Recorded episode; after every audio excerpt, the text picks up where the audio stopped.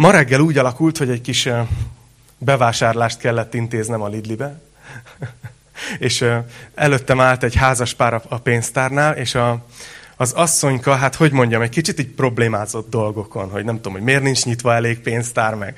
Nem tudom, tehát voltak különböző gondjai, és a, a, a, a, férj pedig ilyen, ilyen haláli nyugalommal, tehát ez a végtelen nyugalommal az arcán így közölt a, a feleségéről, hogy figyelj, majd ha napkitörés lesz, na az probléma lesz. Ez nem probléma. És gondoltam ezen, hogy ez a jelenések könyvé, ez egy tök jó bevezetés, ez a napkitörés, meg, meg ilyesmi. Úgyhogy, ahogy most már tudjátok, a jelenések könyvét fogjuk folytatni ma is. Kicsit ilyen, ilyen furcsa könyvez, kicsit, amikor ma, ma mondta valaki, hogy hozott vendéget, akkor így, hú, remélem, hogy tud, nem akasztok ki valakit. Tudom, hogy egyszer sikerült egy utolsó időkről szóló tanítással elijesztenem valakit, de egy kicsit skifi, de, de jó lesz, megígérem. Mielőtt bele megyünk, a mai tanításnak az a címe, hogy egy nem várt találkozás. És nem tudom, hogy voltatok-e már így. Voltatok-e olyan élethelyzetben, hogy összefutottatok valakivel, akire abszolút nem számítottatok ott és akkor? Hányan, hányan voltatok így, nézzük. Jó, oké, akkor legtöbbeteknek van. Emlékszem, hogy pár hete a Decathlonba vásároltunk, ma már Lidl is emlegettem a Decathlont, és hát a környékbeli cégek szponzorálnak, csak hogy tudjátok. És így az Albert, a kisfiam összefutott az egyik óvodás társával, meg ugye a családjával, és annyira cuki volt, így, így átölelték egymást, és azt mondták, hogy nem is gondoltam, hogy ma még találkozunk. És úgy örültek egymásnak ott a Decathlon közepén, hogy ez, ez öröm volt nézni. Egyszer, egyszer nyaraltunk a Balcsinál, és a, figyeljetek, ha már üzleteknél tartunk, a Siófoki Tesco-ban. a Siófoki Tesco-ban összefutottunk a német Jani családjával, és így, tehát, hogy tehát így pont, pont ott, pont akkor, ez ilyen, ez ilyen vicces volt. De ezek ilyen nagyon jó dolgok, amikor, amikor összetalálkozol valakivel, és így megörülsz neki. Egyszer a Szabozolival és a Gyöngyivel találkoztam a, a Ferihegyi reptéren, de ott az érkező részen, ahol a csomagokat vesszük át. Tudod, így nem is tudom, hogy honnan szálltam le, de ilyen tök fáradt fej. És egyébként most is itt vannak! Hú-hú! Jó, hogy visszajöttetek, hazajöttetek. És, és emlékszel, emlékszel erre, hogy így jöttem ilyen tök álmos fejjel, és így a, ott a szalagoknál, egyszer csak Ilyet, ezek tényleg ők. Úgyhogy az, az egy jó pillanat volt. Örültem, hogy látom őket. Na, vannak kivételek. Képzétek, hogy egyszer összefutottam valakivel, szintén egy reptéren, Szingapurba egy, egy, egy barátommal, és, és úgy örült is nekem, meg nem is. Nem tudom, hogy voltatok-e már így. Hogy így látod, hogy örül, de nem annyira. És nem tudtam mihez kezdeni, hogy úgy, úgy mi van most. Aztán kiderült. A Peti mondta neki előre, hogy fog találkozni valakivel, aki elég csinos. és, és az illető, hát nem rám számított, maradjunk ennyibe. Pedig nem tudom, hogy miért. Tehát, hogy mindegy, egyébként ha valaki tud jó pszichológust, adjátok meg a számát. Azóta se teljesen dolgoztam fel, de... Na, mindegy. A kivétel erősíti a szabályt, azért a lényeg, amiért mesélem ezt, hogy jó összefutni valakivel, akit, akit ismersz, aki kedves neked, és főleg akkor, amikor magányosnak érzed magad, és a mai történetünk, amit megnézzünk a jelenések könyvében, ez egy ilyen találkozás. Eh, ahogy folytatjuk a sorozatunkat, ahogy János találkozik Jézussal. Az előző rész tartalmából, ugye múlt héten még csak éppen belekezdtünk a jelenések könyvébe, láttuk azt, hogy, hogy miközben azt gondoljuk, hogy a jelenések könyve a jövőről szól, az első mondat azt mondja, hogy ez Jézus Krisztus kinyilatkoztatása. Ez a könyv, ez Jézus Krisztust mutatja meg nekünk még jobban. És ezért nagyon óvatosan kell tanulmányozni a jelenések könyvét, mert nagyon bizarr dolgokra jutsz, hogyha ezt nem tartod észben, hogy ha ezt jól tanulmányozod ezt a könyvet, akkor egyre inkább Isten szívét fogod megismerni belőle. Egyre inkább ő rajzolódik ki, hogy milyen ő igazából. Beszéltem arról is, hogy, hogy tudom, hogy mindig vannak olyan emberek, akik hallgatják a tanítást, akár YouTube-on, akár itt élőben, akik még szkeptikusok, tehát nem tudják pontosan, hogy elmerjék-e hinni. Na és ezeknek az embereknek a jelenések könyve az az abszolút skifi. Tehát, hogy így, meg őszintén, hogyha a szívünkre tesszük a kezünket, akkor, akkor nekünk is, nem? Tehát, hogy olyan dolgok vannak benne, ami kicsit skifi, és ezért beszéltem a múlt héten arról, és hogyha nem voltál itt, akkor nyugodtan hallgassd vissza, hogy a Biblia olyan sok proféciát tartalmaz, több százat, ami már beteljesült, történelmileg dokumentáltan, hogy emiatt vehetjük komolyan azt, amit a jövőről mond. Tehát bár skifi, de megbízható skifi. És ezért fontos, hogy foglalkozzunk vele. Mondtam, hogy ezt János apostol írta a hét gyülekezetnek, ugye ez alapvetően egy levél volt, és beszéltünk, láttuk azt, hogy, hogy egyből Jézus visszajövetelére irányította a figyelmet. És kb. itt tartottunk a múlt héten. A nyolcadik versig jutottunk az első fejezetbe, úgyhogy ha van nálatok Biblia, akkor üssétek föl a jelenések egy kilencet, és akkor onnan folytatjuk, ahogy megyünk versről versre.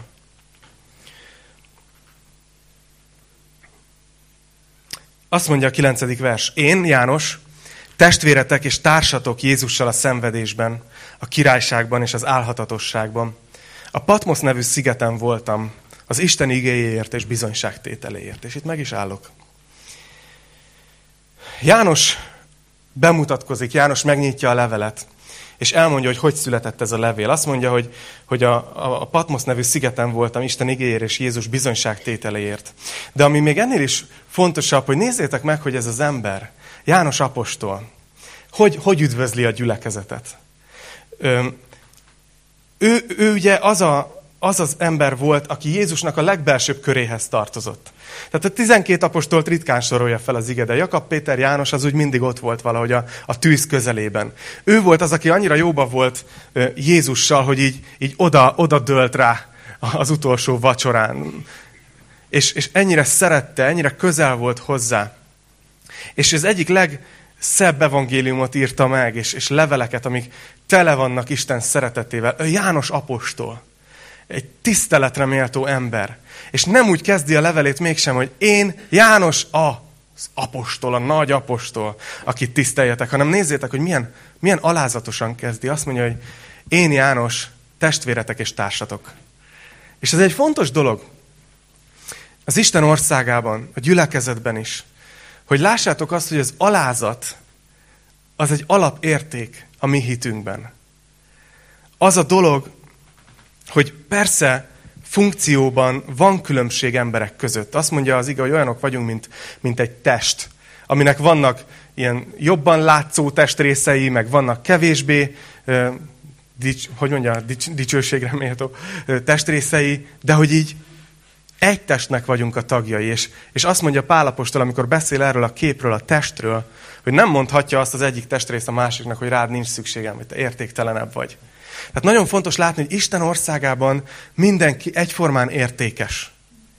És ezért nagyon bizarra az, amikor valaki ennek ellenére nagyképű.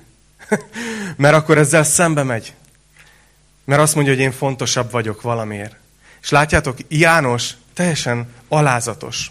Filippi 2.3, ha valaki szeretné otthon elolvasni. Azt mondja Pálapostól, hogy alázattal különbnek tartsátok egymást magatoknál. Ez az alapállás a mi hitünkbe. Hogy attól függetlenül, hogy mi a funkciónk, mi a szerepünk, mi a szolgálatunk, mi a részünk, egymást különbnek kell, hogy tartsuk magunknál. Nagyon, nagyon tetszett, amikor, amikor bekerültem, tudjátok, hogy egy missziós szervezettel dolgozok, a Luzán Movement-tel, és nagyon tetszett, amikor bekerültem először, és először egy kicsit ilyen, ilyen félve mentem az ilyen nagy találkozókra, mert ilyen, hát hogy tehát, hogy, hogy mondjuk, ilyen, ilyen nagy kutyák voltak ott. Tudod, hogy, hogy ott ül az asztalnál valaki, aki nem tudom, egy bibliafordító társaságot vezet, és, és nem tudom, milyen nyelvekre fordítják a Bibliát, több, több bibliafordítóval. Ott, ott ül egy másik ember, aki egy, egy missziós ügynökséget vezet, és, és nem tudom, hogy hány ezer misszionáriusok van kint a világ legtöbb fel. És kicsit olyan úgy, úgy húzódtam össze, hogy hú, ki vagyok én. És annyira durva volt megtapasztalni azt, hogy ezek az emberekben egy közös volt, iszonyatosan alázatosak voltak. Lehet, hogy azért bizott az Úr egyébként rájuk ekkora munkát. De hogy nem az volt, hogy elvárták, hogy tudjam, hogy kik ők, és pedig tudod, olyan ember, aki ott volt a Billy Graham mellett, és szervezte az evangelizációkat. Tehát, hogy így lehetne valamire büszke. De mégis olyan alázat volt bennük, hogy, hogy még ők kérdeztek engem, hogy egyébként én ki vagyok, és, és mi van. És nem azt várták el, hogy róluk szóljon. Az alázat az egy nagyon fontos alapérték. A második dolog, amit szeretnék itt kiemelni, hogy nézzétek, azt mondja János, hogy társatok Jézussal a szenvedésben. Akkoriban, amikor a 90-es években ez a levél íródott, már nehéz idők jártak a gyülekezetekre. Eleinte még a keresztények nem különültek el a zsidóktól, ugyanúgy ott voltak a zsinagógákban, inkább a judaizmuson belül volt egy ilyen mozgalom, De a 90-es évekre már, már, már szembe kerültek a zsidó vezetők a keresztényekkel, vagy fordítva, vagy kölcsönösen, és a, a császár már kegyetlenkedett, a keresztényeket nagyon sok helyen üldözték, és János is többek között azért van Patmoszon, mert börtönben van, ez egy börtönsziget. És, és ő is szenved, és így ír a keresztényeknek, hogy én a társatok vagyok a szenvedésben. És, és hagy, hagy mondjak erről csak egy pár szót, csak nagyon érdekes dolog történt, hogy miközben erre készültem, és erről, erről így tanulmányoztam ezt, hogy szeretnék egy kicsit a szenvedésről beszélni, ami, ami a keresztényeket éri, a keresztény üldözésről ma a világban. Marci rám írt, mert készült a dicsőítésre, és mondta, hogy tudom-e, hogy egyébként ma, tehát november harmadikán van egy, egy nemzetközi imanap az üldözött keresztényekért. Ezen a vasárnapon. És, és olyan érdekes, hogy megint hogy összehozza a Szentlélek, hogy, hogy itt, van, itt van az igerészünkben, amit tanulmányozunk. De hogy tudjátok, hogy nem csak akkor voltak üldözött keresztények. Ma, csak 2018-ban, tehát egy év alatt, amiről tudunk, az az, hogy 4300 hívőt öltek meg a hitéért. Tehát ennyien adták az életüket a hité, hitükért, Jézusba való hitükért. És ezen túl tudnak három, több mint három ezer olyan letartóztatásról, ami nem rendes perben történt meg, hanem ilyen, ilyen jogtalan bebörtönzések és, és letartóztatások. Ma azt becsülik azok a szervezetek, akik ezzel foglalkoznak, én az Open Doors-nak az adatait néztem meg, hogy 245 millió keresztény van üldözés alatt. Most, ahogy beszélek. Nem tudom, hogy hogy bele tudtok-e gondolni, és hogy átérezzük el, hogy, hogy ez ugyanúgy a test. Ez ugyanúgy a Krisztus teste.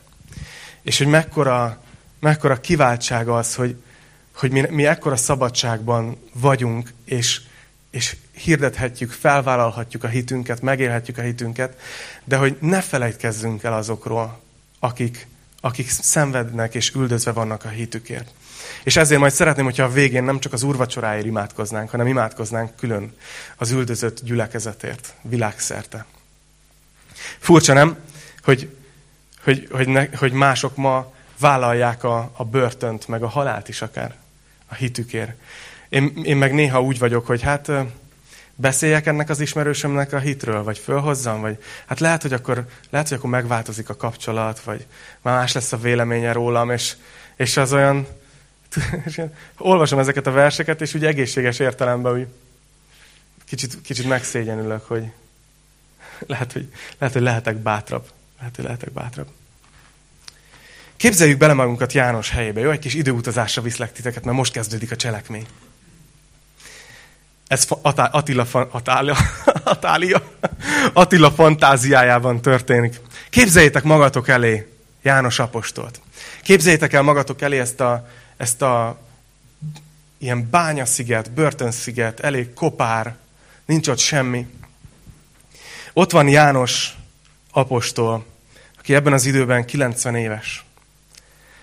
Ott van ezen a szigeten, és, és egyedül van. És, és gondolom, hogy, hogy biztos, hogy így belegondolt az életében, volt ideje, csönd volt, és így belegondolt annyi mindenbe. Biztos, hogy eszébe jutottak azok az arcok, akik felé szolgált. Biztos eszébe jutott az efézusi gyülekezete. Azok az arcok, azok a testvérek, akik ott voltak. Biztos eszébe jutott az a sok vendég, akik más gyülekezetekből időnként fölbukkantak a, a gyülekezetben. És, és, és szerintem János nagyon magányos lehet ebben a, ebben a helyzetben, ahol itt elkezdődik a jelenések könyve. Talán eszébe jut az is, hogy, hogy ma, hogy ma vasárnap van. Mindjárt látjuk a szövegben. Ez a cselekmény egy vasárnapi napon kezdődik. És talán eszébe jut, hogy ez az a nap, amikor összejönnek a keresztények. Ő még emlékszik arra az időre, amikor még összejöttek szombaton is, a zsinagógába, meg a templomba, és összejöttek vasárnap is, mert az Úr feltámadásának az ünnepén is összejöttek. De aztán emlékszik, hogy ez utóbbi időben már csak ezen a napon jönnek össze. Talán eszébe jut az, hogy, hogy milyen jó volt összejönni Efézusban a keresztényekkel, a testvérekkel. Nem volt bonyolult, nem volt, ne, nem volt nehéz a gyülekezet. Egyszerűen csak részt vettek a tanításban. Imádkoztak együtt, megtörték a kenyeret. Közösségben voltak egymással. Ezt, ezt mondja az ige, hogy ezt tették az első keresztények. Így János így gondolom, így visszagondol, és emlékszik a legutóbbi alkalomra, amikor körbeadták a kenyeret. Amikor legutóbb valaki imádkozott érte, vagy ő imádkozott valakiért, amikor valakit bátorított. És most újra itt van a vasárnap, de most itt van Patmos szigetén. Most magányos. Most egyedül van. Most nem tud senkivel közösségbe lenni. Most nem tud senkivel úrvacsorázni. Most nem tud tanítást hallgatni. Most csak, most csak egy dolog marad a négyből, amit tud, tud csinálni. Imádkozni. És azt hiszem, hogy, hogy János imádkozik, mert, mert úgy kezdődik, hogy lélekben van. És ez használja ezt a kifejezést az ige arra, amikor valaki imádkozik. Azt mondja a tizedik versben, hogy lélekben elragadtattam az Úr napján. És a hátam mögül hatalmas hangot hallottam, mint egy trombitájét, amely ezt mondta, amit látsz, írd meg egy könyvben, és küld el a hét gyülekezetnek. Efézusba, Szmirnába, Pergamonba, Tiatirába, Szárdizba, Filadelfiába és Laodíceába. Szóval itt vagyunk, ezen a börtön szigeten, János magányos, valószínűleg imádkozik, a Júdás 20-ban olvas, olvassuk ezt, hogy imádkozzatok mindenkor a Szentlélek által.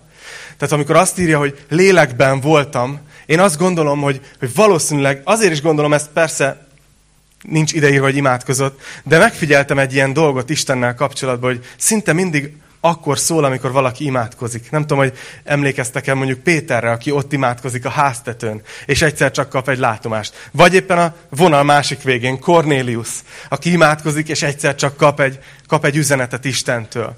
Igaz, vagy az első gyülekezet, amikor imádkoznak, és megmozdul a hely. Úgy tűnik, mintha Isten nagyon sokszor olyankor szólna, amikor mi imádkozunk. Amikor ott vagyunk előtte, amikor imádkozunk, az nem arról szól, hogy sokat beszélünk, hogy mondjuk, mondjuk a magunkét, hanem sokkal inkább arról szól, hogy ideadok neked időt, Istenem, mint hogyha kitenném a messengerre az elérhető státuszt, tudod, a zöld pipa, most aktív, vagy mit, most elérhető, mit szokott kiírni a messenger? Valami ilyesmi jelenhet meg Istennek, amikor mi imádkozunk. Mert lehetővé tesszük, hogy szóljon az életünkbe. És ez történik. Így képzelem el, hogy János ott imádkozik, és egyszer csak azt mondja, hogy egy hatalmas hangot hallottam a hátam mögül. Hát én nem tudom, hogy ti hogy reagáltatok volna, ez biztos ijesztő volt. Nekem ilyen még nem volt, hogy egy ima közben egy hatalmas hang a hátam mögül így, bám, így megszólaljon. Olyan volt, hogy az éjszaka kellős közepén így fölriadtunk egy, egy zajra, és nem tudtuk, hogy mi történt. És kiderült, hogy van egy ilyen, egy ilyen zsák, amiben a szelektív hulladékot gyűjtjük, és az így leborult tudod, arról a polcról, amin volt, és az olyan zaj volt az éjszaka közepén, hogy így hát, dobogott a szívünk, meg minden bajunk volt. Itt János imádkozik, és azt hiszi, hogy egyedül van. Magányos, valószínűleg senkire nem számít. És egyszer csak puf, egy hatalmas hangot hall. És küldetést kap. Ugye azt mondja a hang, hogy amit látsz, azt írd meg egy könyvbe, és küld el a hét gyülekezetnek. Nem tudom, hogy Jánosnak eszébe jutott-e az, hogy itt vagyok 90 évesen egy börtön szigeten, velem Isten elvégezte, amit el akart végezni. Szerintem én már nem vagyok hasznos Isten országában. Mert ha hasznos lennék, akkor nem engedte volna meg, hogy börtönbe jussak, vagy idehozzanak. Nem tudom, hogy te vagy-e úgy az életedben, akár most, hogy úgy érzed, hogy egy olyan helyen vagy, hogy mint hogyha Isten nem tudna semmire használni. Csak hagyd bátorítsalak, hogy nézzétek meg, mi történik itt Jánossal hogy Isten használni fogja őt, hogy küldetést kap, hogy megírja a jelenések könyvét, ami nagyon nagy hatású volt. És a mai napig. És azt mondja, hogy ezt a levelet, ezt hét gyülekezetnek kell elküldenie. És érdekes, hogy miért, miért pont ez a hét gyülekezet. Mert ha megnézitek a térképet, nem tudom, hányatoknak van olyan bibliája, amiben van térkép hátul, megnézhetitek, hogy azon a környéken, ott Kis-Ázsiában ott nem csak ez a hét gyülekezet volt, ott volt például a Kolossé gyülekezet is, meg még más gyülekezetek. Tehát, hogy miért pont hét, és miért pont ez a hét, ezt majd részletesebben is meg fogjuk nézni, de egyelőre hagy mondjak annyit, hogy úgy tűnik nagyon, hogy mivel a hét a teljesség száma az igében mindenütt, és meglátjátok, hogy ez a fejezet is tele van hét, hét, hét dolgokkal, valahogy ez az egész gyülekezetet szólítja meg ez a levél. Az egyház történeten is átívelően. Valahogy nem csak ezeknek a helyi közösségeknek szólt a jelenések könyve, hanem szól ma is nekünk is. Mert valahogy ez az ez egész gyülekezetet jelképezi.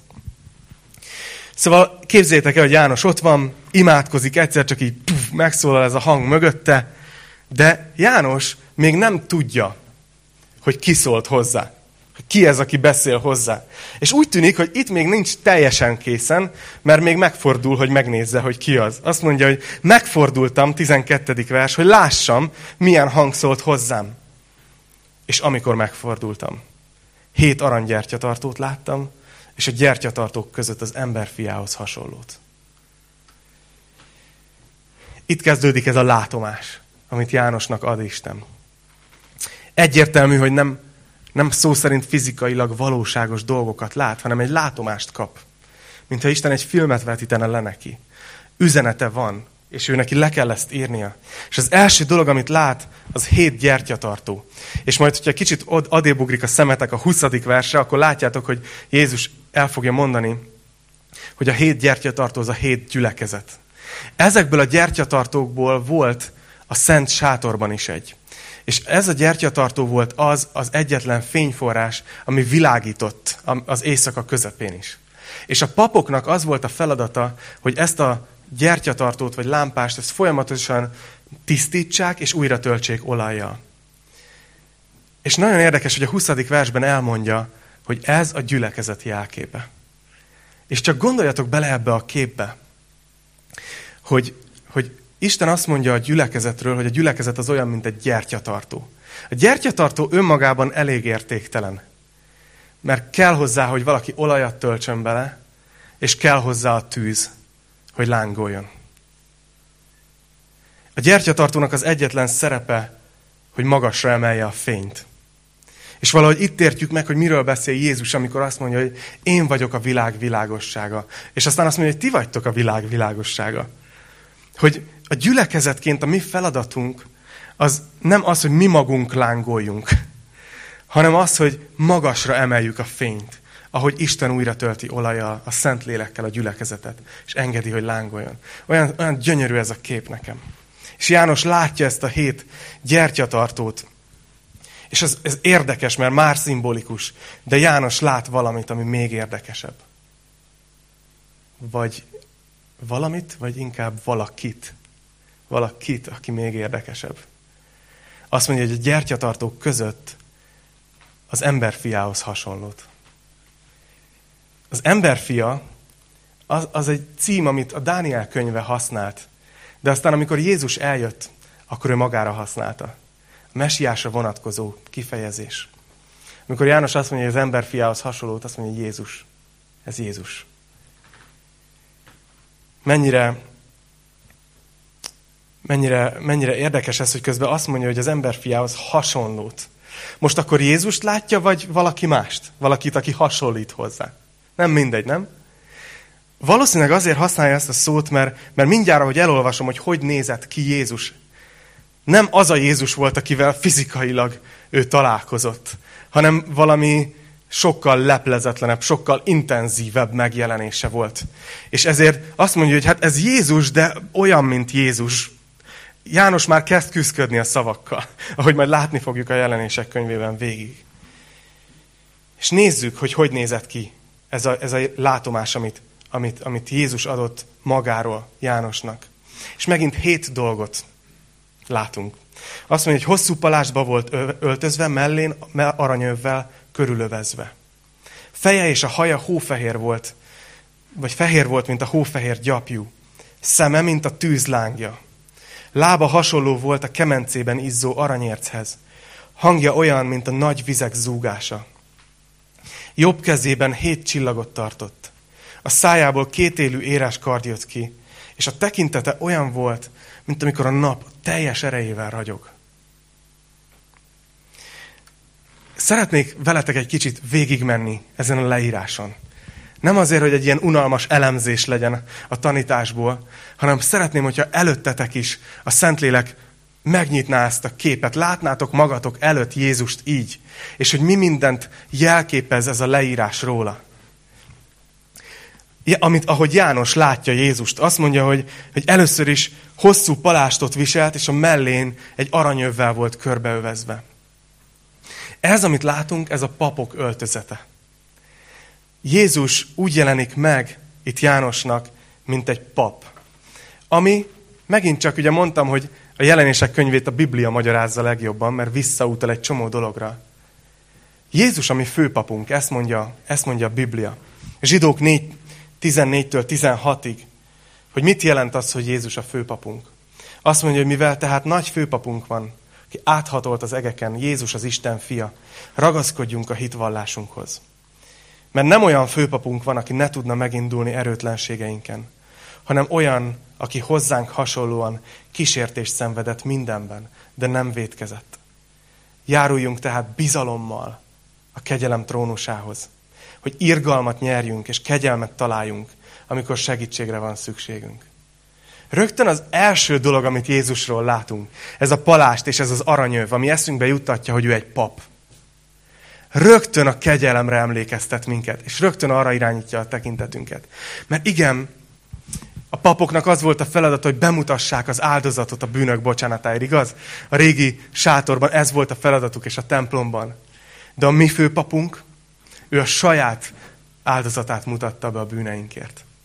És azt mondja, hogy olyan főpap, nem olyan, mint az, az emberi főpapok, akik nem értik, hogy már miért jönnek ennyi áldozattal az emberek, hogy tudnak ennyit bűnözni, és hogy nem térnek végre észhez, hogy nem kéne, hanem azt mondja, hogy ő, ő, ő megért minket.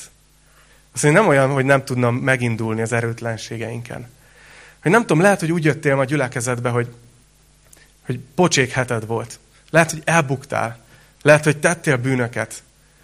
És lehet, hogy azt gondoltad, hogy na de jó, hogy még jön egy ilyen ijesztő könyv, mint a jelenések könyve. Nézd, itt van az első leírása Jézusnak. Az már a kegyelemről szól. Hogy én vagyok az, aki meg tudok indulni, és ahova, akihez bátran jöhetsz, amikor szükséged van rá. A kegyelem trónja az ő trónja. Na, de még van hat dolog. Azt mondja, hogy hófehér volt a feje és a haja. És ez bizarr. Tehát, nem tudom, el, tudtok, el tudjátok ezt képzelni, hogy hófehér a, a haj, és hófehér az arc. És ez egy nagyon érdekes dolog, mert, mert itt beszélgetnek a teológusok arról, hogy ez, ez mi mindent szimbolizál, mert túl gazdag. Az biztos, hogy a fehér haj, az ugye a mi kultúránkban is az idős kort jelzi. A, most bocsánatot kérek azoktól, akiknek már fehér, és még nem úgy érzik magukat, de alapvetően afelé tendál a dolog, fogalmazzunk ki. Én is húzogatom, én is húzogatom minden oldalról. A lényeg az, hogy valahol ez, ez már eszünkbe juttatja, hogy Jézus noha, noha él, de ő, ő, ő örökké való, ő öröktől való. De a fehér szín, az nagyon érdekes, hogy minden kultúrában mást jelent. Például Ázsiában a fehér szín az a, az a gyásznak, a halálnak a színe. A zsidó kultúrában és a zsidó gondolkozásban a fehér az, az két dolognak is volt egyszerre a jelképe, ami, ami egymással ellentétes. Egyrészt jelképezte a leprát, és jelképezte a tisztaságot. És olyan furcsa ez, hogy Jézus így látjuk. Tudjátok, miért érdekes ez? Mert a, a lepra az egy olyan dolog a Bibliában, amit nem, mintha nem is betegségként kezelne a, a, a Biblia. Soha nem azt mondja, hogy meggyógyít, hanem nem azt mondja, hogy ha akarod, meggyógyíthatsz, hanem ha akarod, megtisztíthatsz engem. A lepra valami olyan állapot, ami, ami furcsa, és azért, mert a lepra, nem tudom, hogy tudjátok-e, hogy, hogy hogy teszi tönkre az embert. A lepra úgy teszi tönkre az embert, hogy elhalnak az ideg végződések. Elhal az érzékelés a test különböző pontjain. És például, ami nekünk természetes, hogy megpróbálsz kinyitni egy ajtót, és hogyha be van ragadva a kulcs, akkor érzed, hogy fáj, és elengeded inkább. Aki, akinek mondjuk elhalnak itt az, az idegvégződései, az nem érez fájdalmat, ő erőltetni fogja. És gyakorlatilag saját magát szép lassan szétroncsolja az ember, mert nem érez fájdalmat. És ez annyira képe a bűnnek. A bűn ugyanezt teszi velünk. Amikor Isten azt mondja a Bibliában, hogy ezt ne csináld, ezt ne csináld, ezt ne csináld, nem azért csinálja, mert meg akarja ölni a bulit és ünneprontó, hanem azért, mert tudja, hogy ezek a dolgok, ezek minket elérzéketlenítenek, és utána tönkretesszük saját magunkat vele.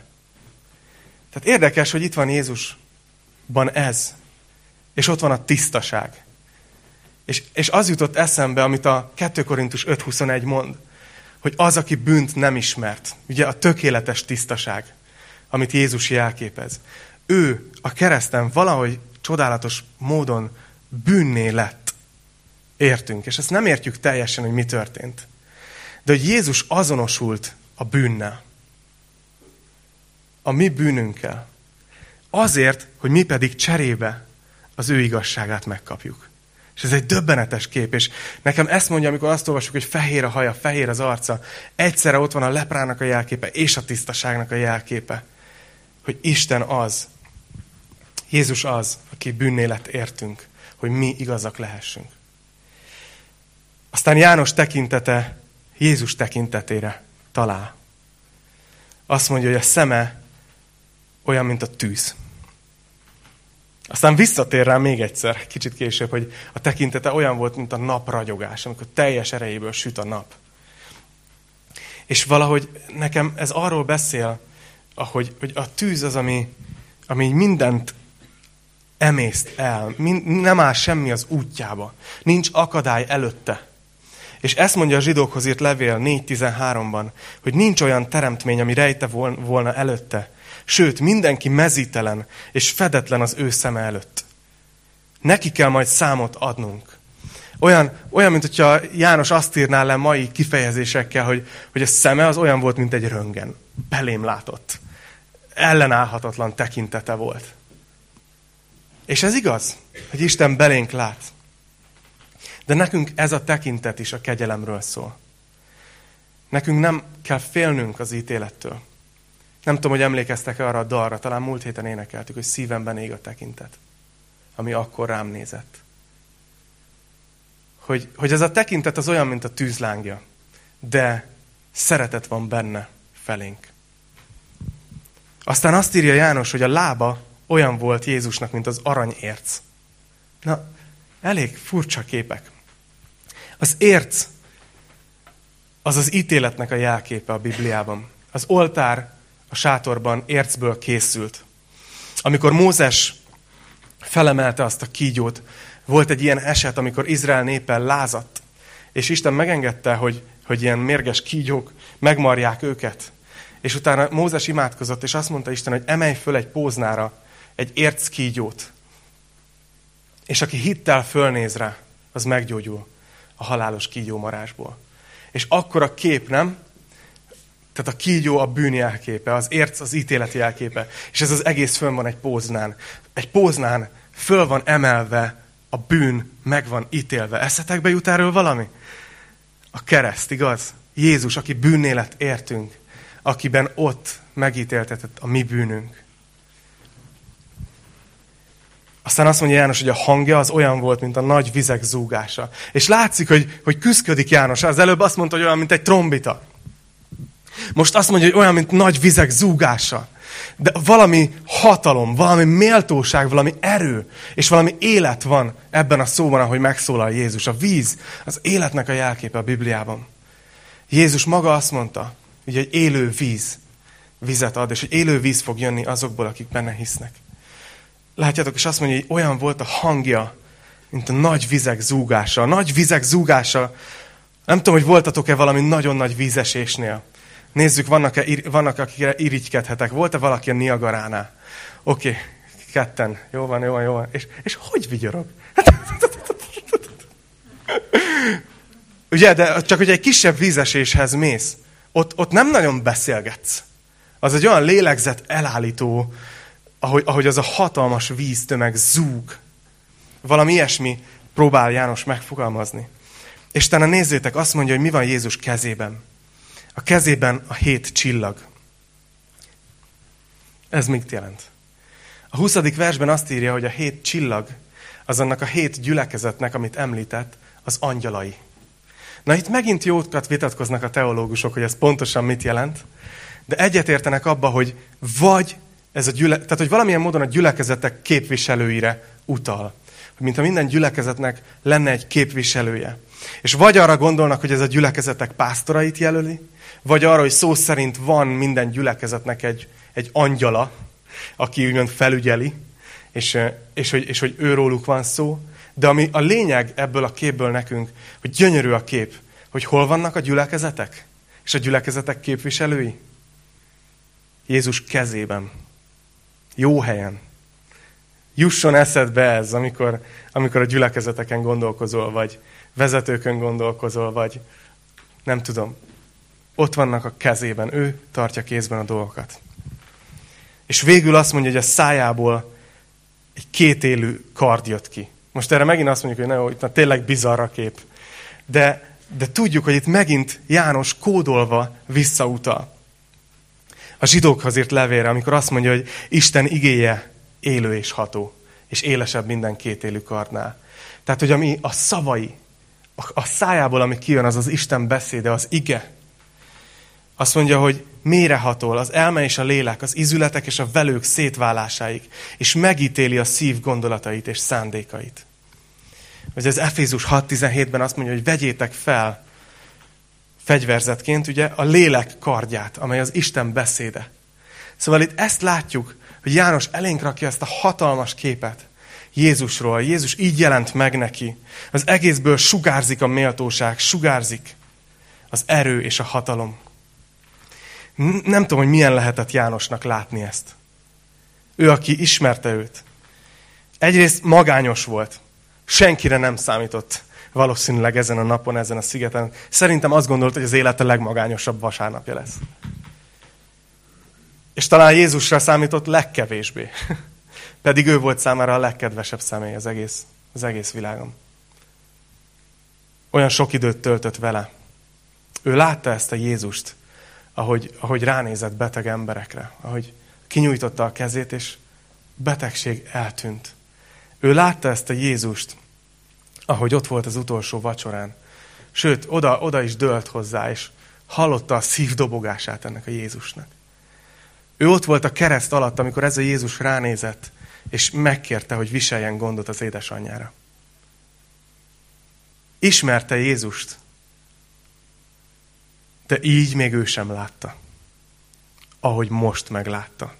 Filter nélkül. Igazán, tisztán, intenzíven. Olyan, mint hogyha nem is ugyanaz a személy lenne, akit ismert. Nézzétek, hogy mi történik Jánossal, aki az egyik legközelebbi ember volt Jézushoz. Amikor meglátja őt így. Azt mondja, hogy amikor megláttam, a lába elé estem, mint egy halott. Jánosra nagyon nagy hatással volt ez a kép. Olyan, mint hogyha nem is ugyanaz a Jézus lenne. De nézzétek, mi történik. Ő rám tette a jobbját, és így szólt. Ne félj. Döbbenetes ez a kép. Hogy a megjelenéséből, a leírásából, mintha nem is ugyanaz a Jézus lenne. De utána azt csinálja, amit Jézus mindig is csinált. Hogy az a kéz, ami régen hozzáért a lepráshoz, és nem fél tőle. Az a kéz, ami felemelte azt az asszonyt, akit odahoztak, hogy házasságtörésen kaptak. Ugyanaz a kéz most, most ő hozzáér hozzá. És elmondja ugyanazt a szót, amit elmondott akkor a tengeren, amikor a tanítványok látták, hogy Jézus közeledik, és, és azt mondta nekik, hogy ne féljetek. Vagy amikor megjelent Mondjuk az azért tényleg durva lehetett, így a feltámadása után zárt ajtók mögött így egyszer csak megjelenik. Én egy ilyen hangeffektet képzelek oda mindig.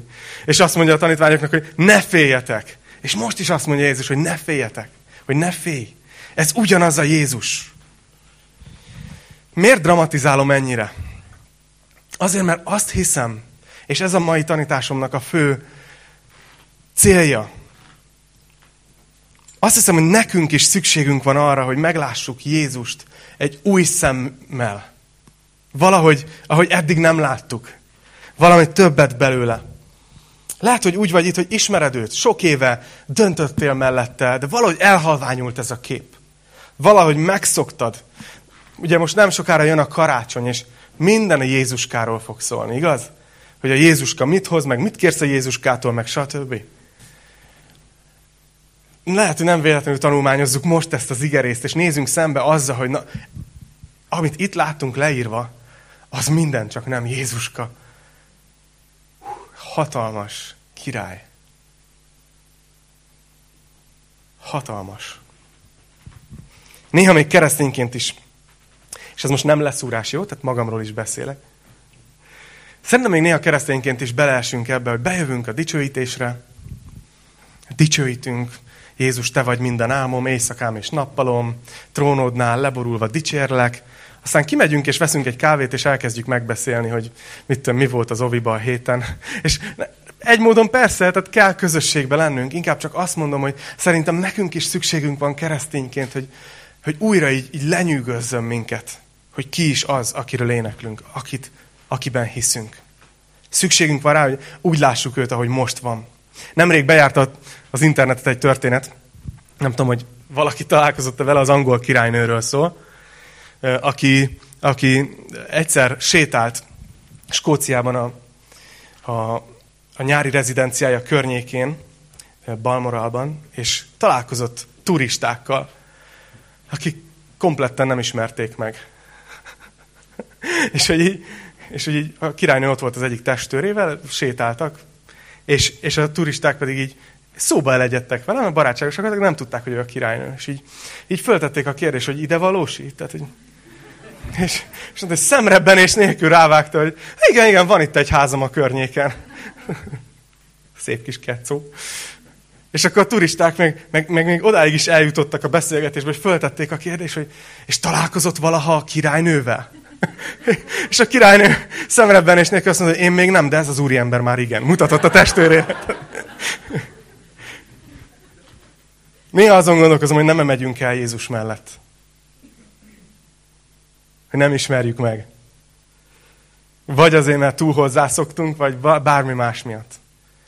Nem látjuk őt talán ilyen hatalmasnak, vagy nem látjuk meg őt a koldusban, a szegényben, az elesetben, a fölkarolásra vágyóban.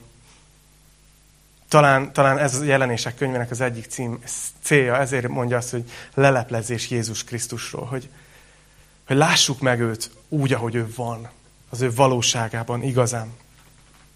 János még teljesen ki van ezen a ponton, ugye összeesett, mint egy halott. De, de nem tudjuk, hogy mennyi időt telt el, mert ugye akkoriban azért óvatosan bántak a pergamennel, tehát nem írták oda. És János ezután két óráig lábadozott, vagy nem, tehát nem, nem tudjuk, hogy mi történt.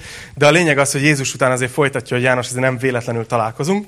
Térjünk a tárgyra, hogy ugye meg kell írnod ezt a könyvet. És először megerősíti azt, hogy, hogy, hogy ő övé minden hatalom, utána pedig ad egy vázlatot a jelenések könyvéhez, és ezzel fogjuk befejezni ma. Azt mondja, én vagyok az első és az utolsó, és az élő.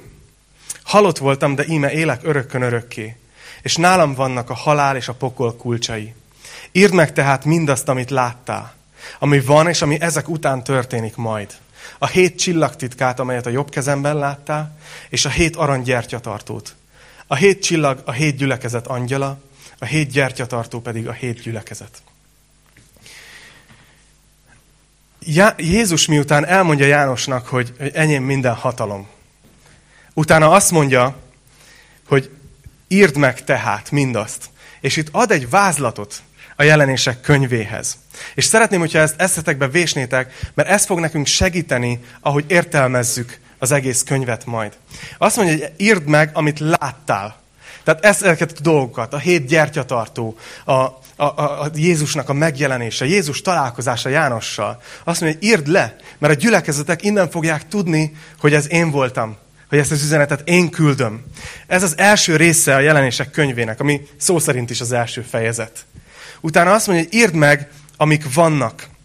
Ugye ebben a korban, amiben János volt és élt, és amiben még mi is élünk, ez a gyülekezetek kora. A gyülekezet kora. És amit látunk, hogy Jézus nagyon specifikusan visszajelzést fog adni, és üzenetet fog küldeni hét gyülekezetnek, de ugye azt mondtuk, hogy ez átfogóan az egész gyülekezetet, az egész egyházat a világon és az egyház történelmen át szimbolizálja.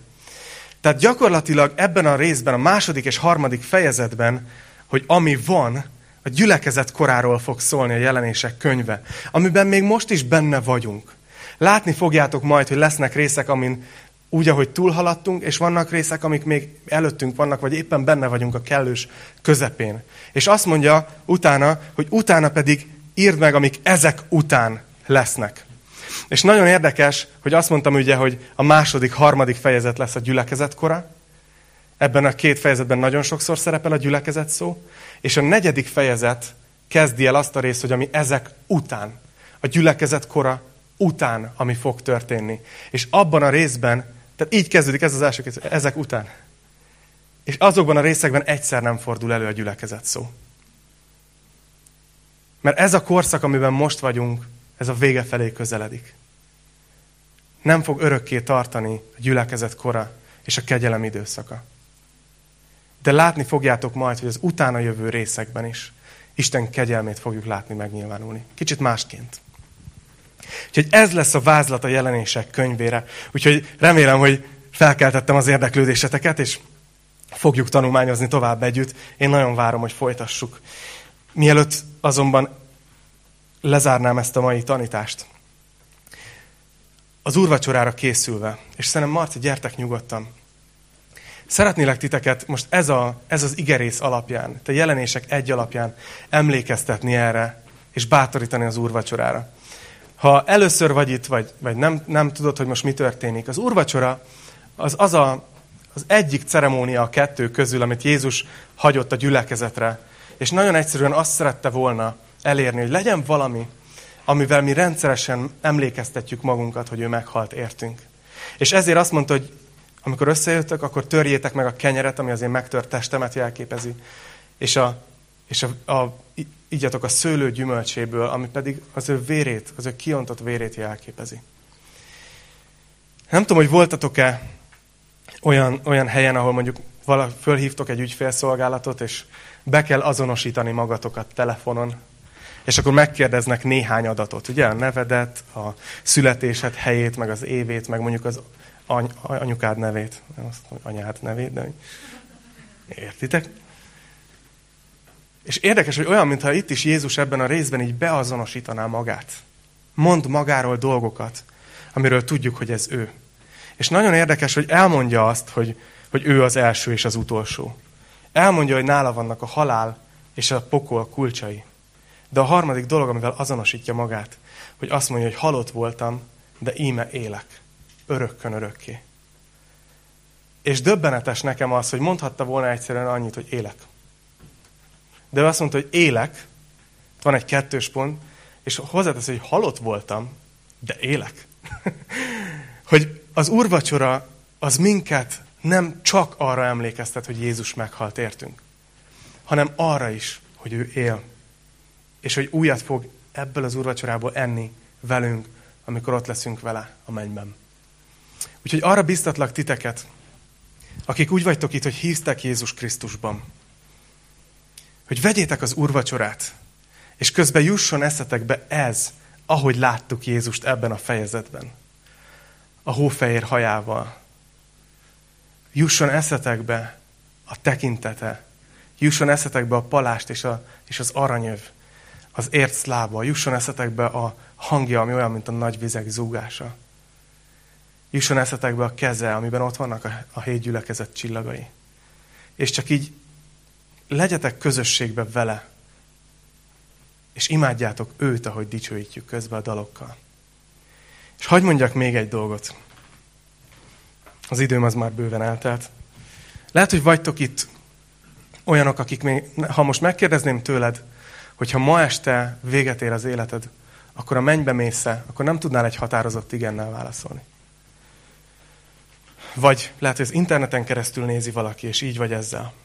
De tudod, érzed, érezted ebben a tanításban az igény keresztül, hogy Isten szól hozzád, és hív magához.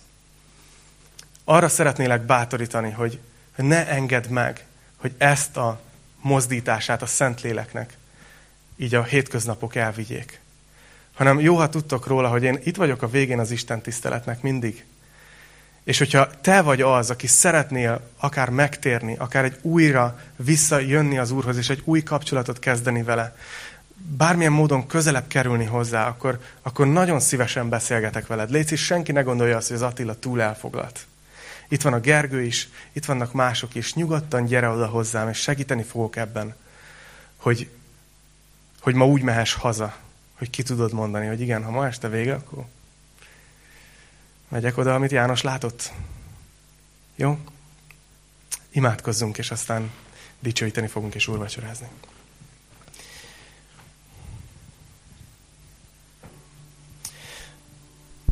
Atyám, nehéz igazából megszólalni egy ilyen fejezet után. Amikor így ennyire szembesülünk azzal, hogy te mennyire hatalmas vagy, és mennyire nagy vagy. Hogy számunkra valami felfoghatatlan hatalom és tekintély vagy. És közben szembesülünk azzal, hogy mennyire szeretsz minket, hogy mennyire közel engedtél magadhoz minket, hogy te mennyire közel jöttél. És Uram, szeretnék, szeretnék hálát adni ezért, és megköszönni neked azt, hogy, hogy ilyen Istenünk vagy. Uram, ahogy, ahogy így fölhívtad a figyelmünket erre, én, én szeretnék imádkozni most együtt a gyülekezettel. Mindenkiért ezen az egész földön, aki, aki üldözést szenved a hitéért, a mártirokért, azokért, akik talán ezekben a pillanatokban is börtönben vannak, vagy hatalmasságok előtt állnak, és bizonyságot kell tenniük a Te nevedről. Uram, imádkozom, hogy legyél ott velük, és adj nekik erőt. Imádkozom azért, hogy erősítsd meg a térdeiket, erősítsd meg a kezeiket, hogy ne lankadjanak. Uram, kérlek, hogy arra is mutass rá, hogy, hogy hogyan tudunk értük imádkozni, és hogyan tudunk segíteni. Kérlek, hogy, hogy hétközben is, ahogy a saját ima életünkben is imádkozunk. Szentlélek, kérlek, hogy juttasd eszünkbe, hogy imádkozzunk értük. Szeretnénk nem ilyen idegen részként lenni a testben, hanem átérezni, ami fájdalom a testnek a többi részén. És Uram, azt is kérjük, hogy, hogy gyere el minél hamarabb, hogy legyen vége annak a szenvedésnek, ami, ami van a világban. De kérlek, hogy még azelőtt minél több embert ments meg, és hozzál a te házadba. Kérlek, hogy tedd ezt meg ma is közöttünk. És imádkozom azért, hogy hogy vesszük az úrvacsorát, kérlek, hogy így nekünk is adj kijelentést magadról, Jézus. Szeretnénk nem vallásosak lenni, nem csak gyülekezeteset játszani, hanem, hanem őszintén szívből rád emlékezni, megváltunk. Köszönjük, hogy szeretsz minket, és, és mi is szeretünk téged. Jézus, a te nevedben imádkoztunk együtt. Amen.